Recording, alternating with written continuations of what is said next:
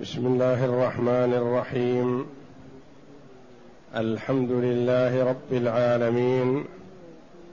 والصلاة والسلام على نبينا محمد وعلى آله وصحبه أجمعين. وبعد. أعوذ بالله من الشيطان الرجيم.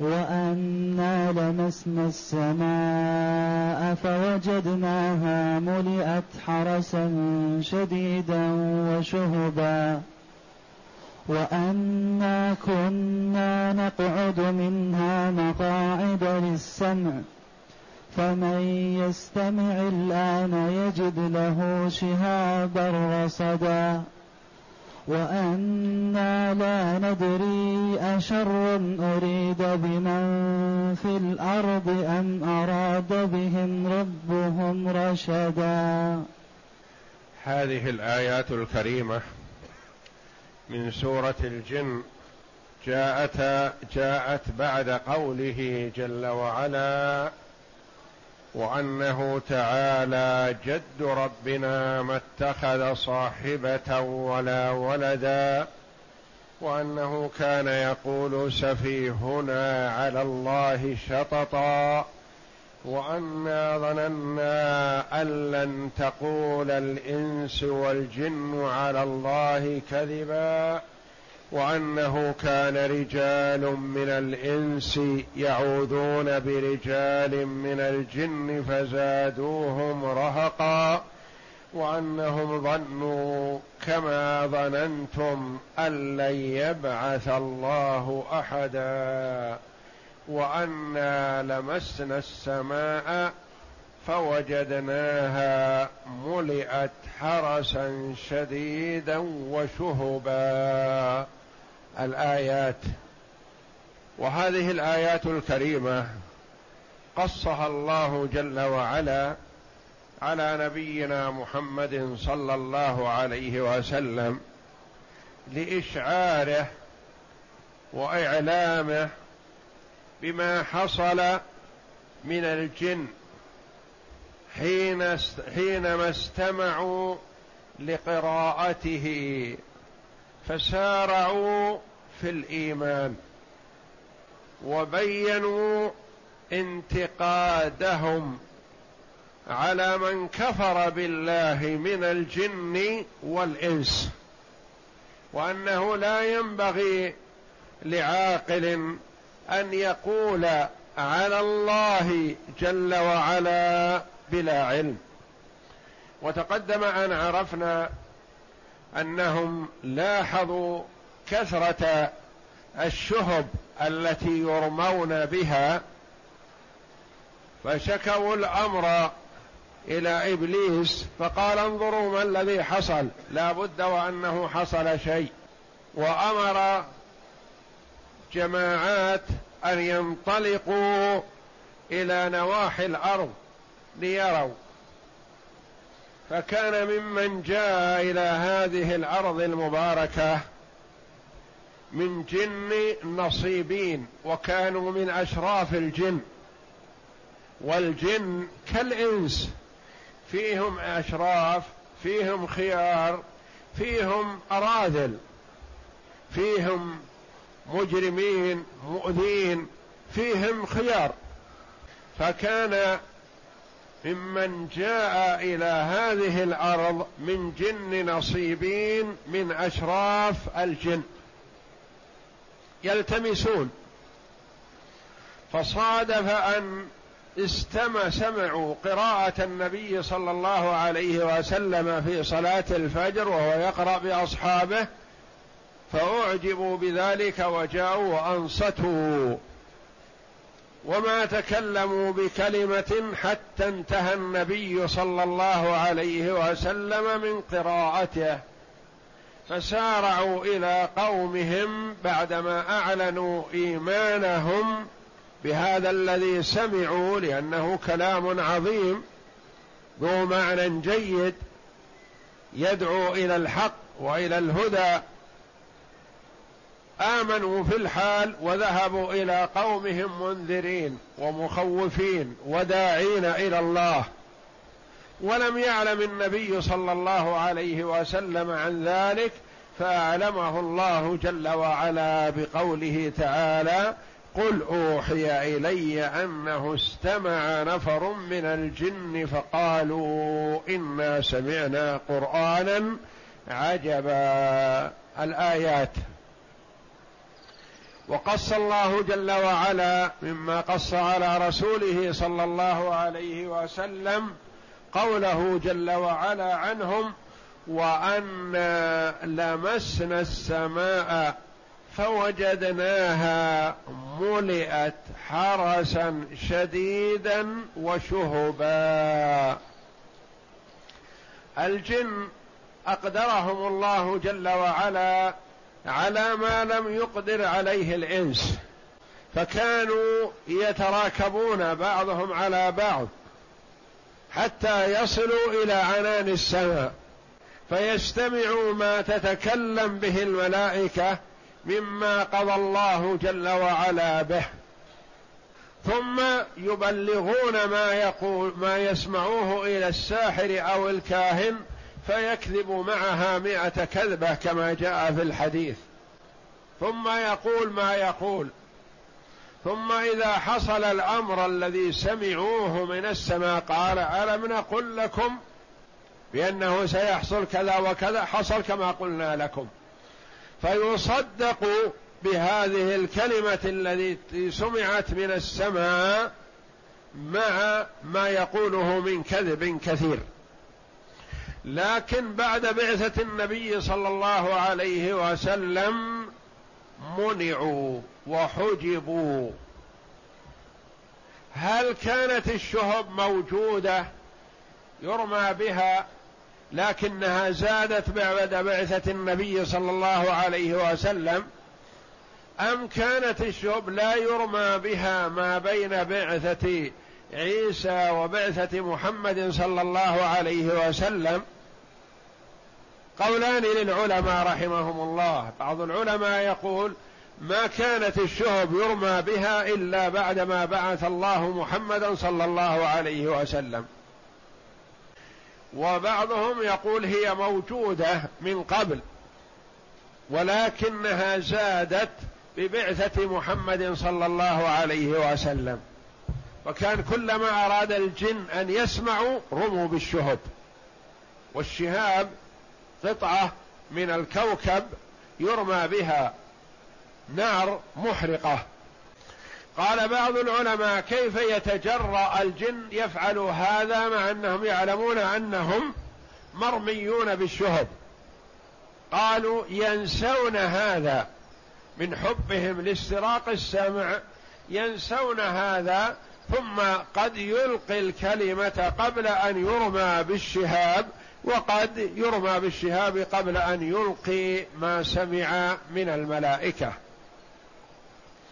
وهنا يقول الله جل وعلا عنهم وأنا لمسنا السماء فوجدناها لمسنا. المراد باللمس هنا قالوا القصد والتوجه والقرب. توجهنا وقصدنا وطلبنا السماء يعني المقاعد التي كنا نقعد فيها وأنا لمسنا السماء فوجدناها ملئت. يعني كل نقطة فيها فيها حراس ما كانت مثل أول. كل نقطة منها محروسة مملوءة بعدد من الملائكة. ملئت حرسا شديدا. حرس يحرسونها من الملائكة أقوياء أشداء. ومع الحرس شهب يرمى بها. فهذا الذي حداهم لأن يتفرقوا وينظروا ما الذي حصل. لأن الله جل وعلا حصن السماء ببعثة محمد صلى الله عليه وسلم حتى لا يتطرق إلى الوحي الذي ينزل به جبريل عليه الصلاة والسلام على محمد صلى الله عليه وسلم. لا يسترع يستطيع سراق السمع أن يسترقوا منه شيئا. فوجدناها ملئت حرسا شديدة وشهبا فيها حراس كثير يحرسونها من استراق السمع وشهب يرمى بها الجن والشياطين. وأنا كنا نقعد منها مقاعد للسمع. يقولون الجن كان لنا مقاعد قرب السماء فيستمعون ما يتحدث به الملائكة عليهم الصلاة والسلام فيسترقونه. وكنا وأنا كنا نقعد منها مقاعد جمع مقعد. للسمع يعني لأجل الاستماع. نقعد في هذه الأماكن ونستمع. فمن يستمع الآن تغير الوضع. فمن يستمع الآن يجد له شهابا رصدا يعني مرصودا له. والمراد الآن يعني الحاضر والمستقبل كما قرر العلماء رحمهم الله لأن ليس المراد الآن فقط تلك اللحظة وإنما هذا يعني تغيرت الحال حاضرا ومستقبلا أصبحت السماء محروسة. فمن يستمع يعني يأتي إلى هذا المقعد المعتاد الذي تعودناه ما يستقر فيه. وما يستطيع أن يبقى فيه. فمن يستمع الآن يجد له شهاب الشهاب القطعة من الكوكب أو النار المحرقة التي تنفصل منه والكوكب باقي في مكانه بإذن الله. شهابا رصدا يعني مرصودا له معدا له. إذا قرب جاءه هذا الشهاب المرصد له.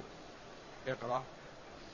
يخبر تعالى عن الجن حين بعث الله رسوله محمدا صلى الله عليه وسلم وأنزل عليه القرآن وكان من حفظه له أن السماء ملئت حرسا شديدا وحفظت من سائر أرجائها وطردت الجن عن مقاعدها التي كانت تقعد فيها قبل ذلك.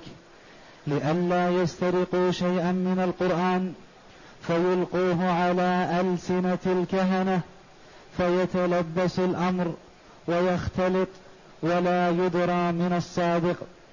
وهذا من لطف الله تعالى بخلقه ورحمته بعباده وحفظه لكتابه العزيز. ولهذا قال الجن وأنا لمسنا السماء فوجدناها ملئت حرسا شديدا وشهبا. وأنا كنا نقعد منها مقاعد للسمع فمن يستمع الآن يجد له شهابا رصدا. أي أن من يسترق السمع اليوم يجد له شهابا مرصدا له لا يتخطاه ولا يتعداه. بل يمحقه ويهلكه. وروى الإمام أحمد رحمه الله والترمذي وغيرهما عن ابن عباس رضي الله عنهما قال كانت الشياطين لهم مقاعد في السماء يسمعون فيها الوحي فإذا سمعوا الكلمة زادوا فيها تسعا فأما الكلمة فتكون حقا وأما ما زادوا فيكون باطلا. فلما بعث رسول الله صلى الله عليه وسلم منعوا مقاعدهم فذكروا ذلك لإبليس. ولم تكن النجوم يرمى بها قبل ذلك فقال لهم ما هذا إلا من أمر قد حدث في الأرض. فبعث جنوده فوجدوا رسول الله صلى الله عليه وسلم قائما يصلي بين جبلين بمكة فأتوه فأخبروه فقال هذا الحديث هذا الحدث الذي حدث في الأرض. وقوله جل وعلا وأنا لا ندري أشر أريد بمن في الأرض أم أراد بهم ربهم رشدا. وأنا تقول الجن وأنا لا ندري لا نعلم. أشر أريد بمن في الأرض؟ هذا المنع والحجب. لشر أريد بأهل الأرض؟ أم لخير؟ لأن هذا المنع لابد وأن يكون له أثر. فما يدرى أهذا الأثر شر أم هذا الأثر خير؟ الأثر وقع والمنع وقع لكن المنع أحيانا يكون لمصلحة العباد وأحيانا يكون لضرر أراده الله جل وعلا بهم. وأنا لا ندري أشر أريد بمن في الأرض. شر هنا مرفوعة. على ماذا؟ قيل على أنها فاعل.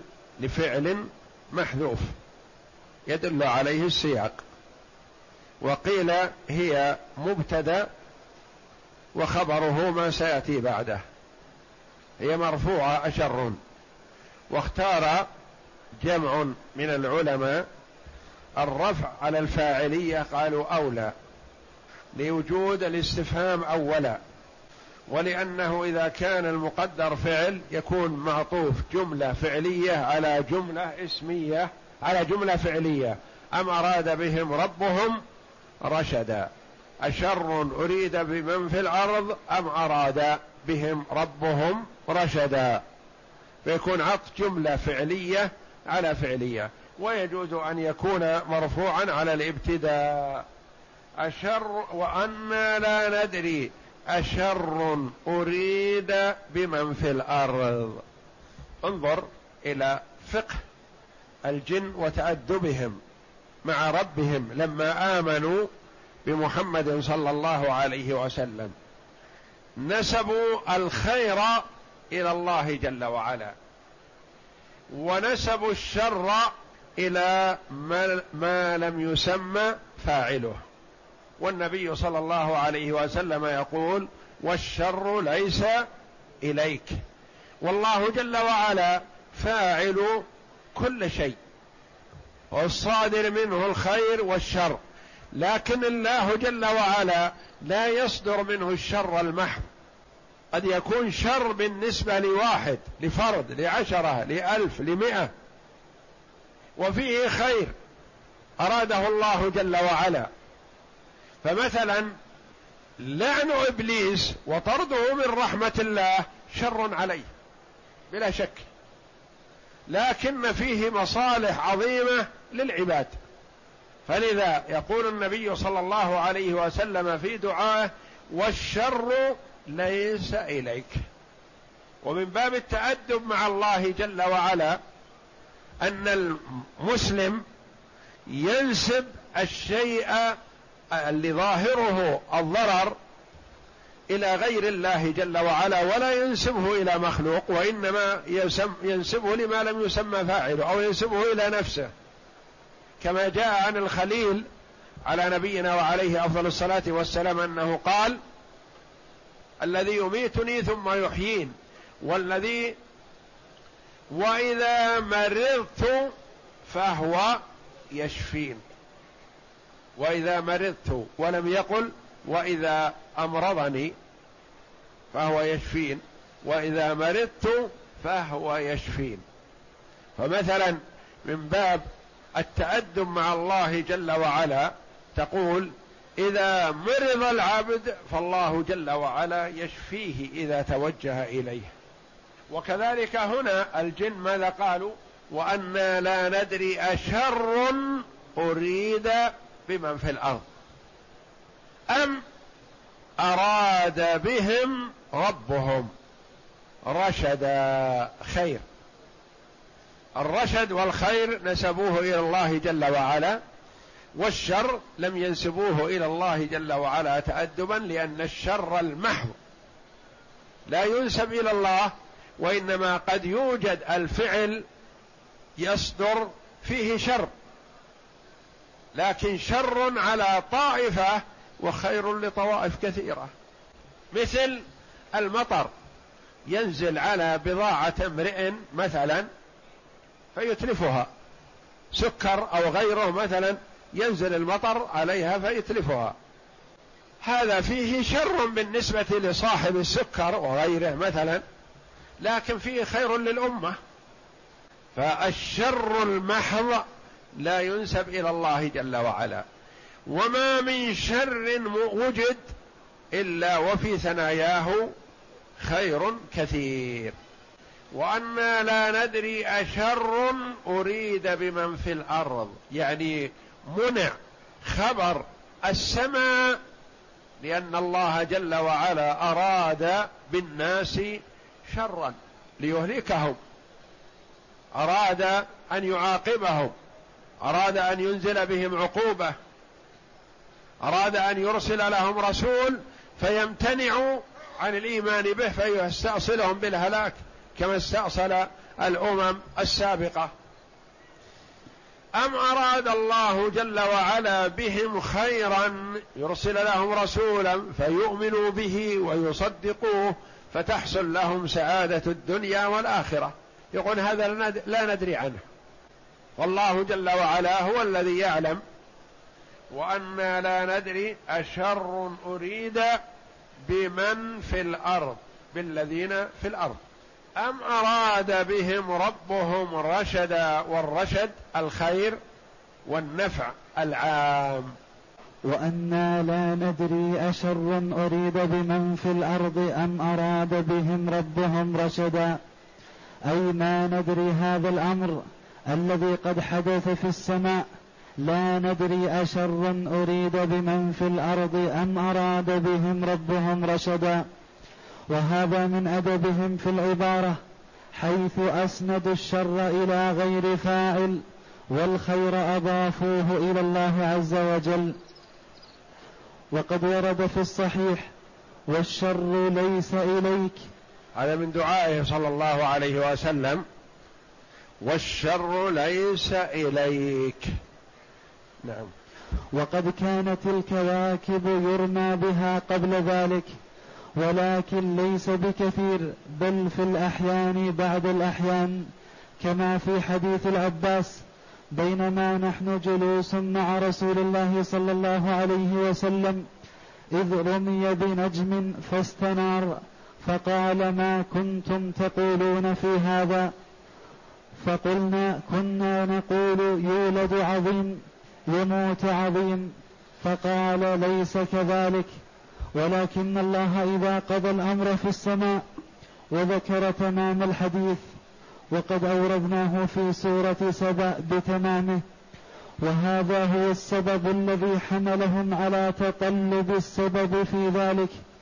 فأخذوا يضربون مشارق الأرض ومغاربها.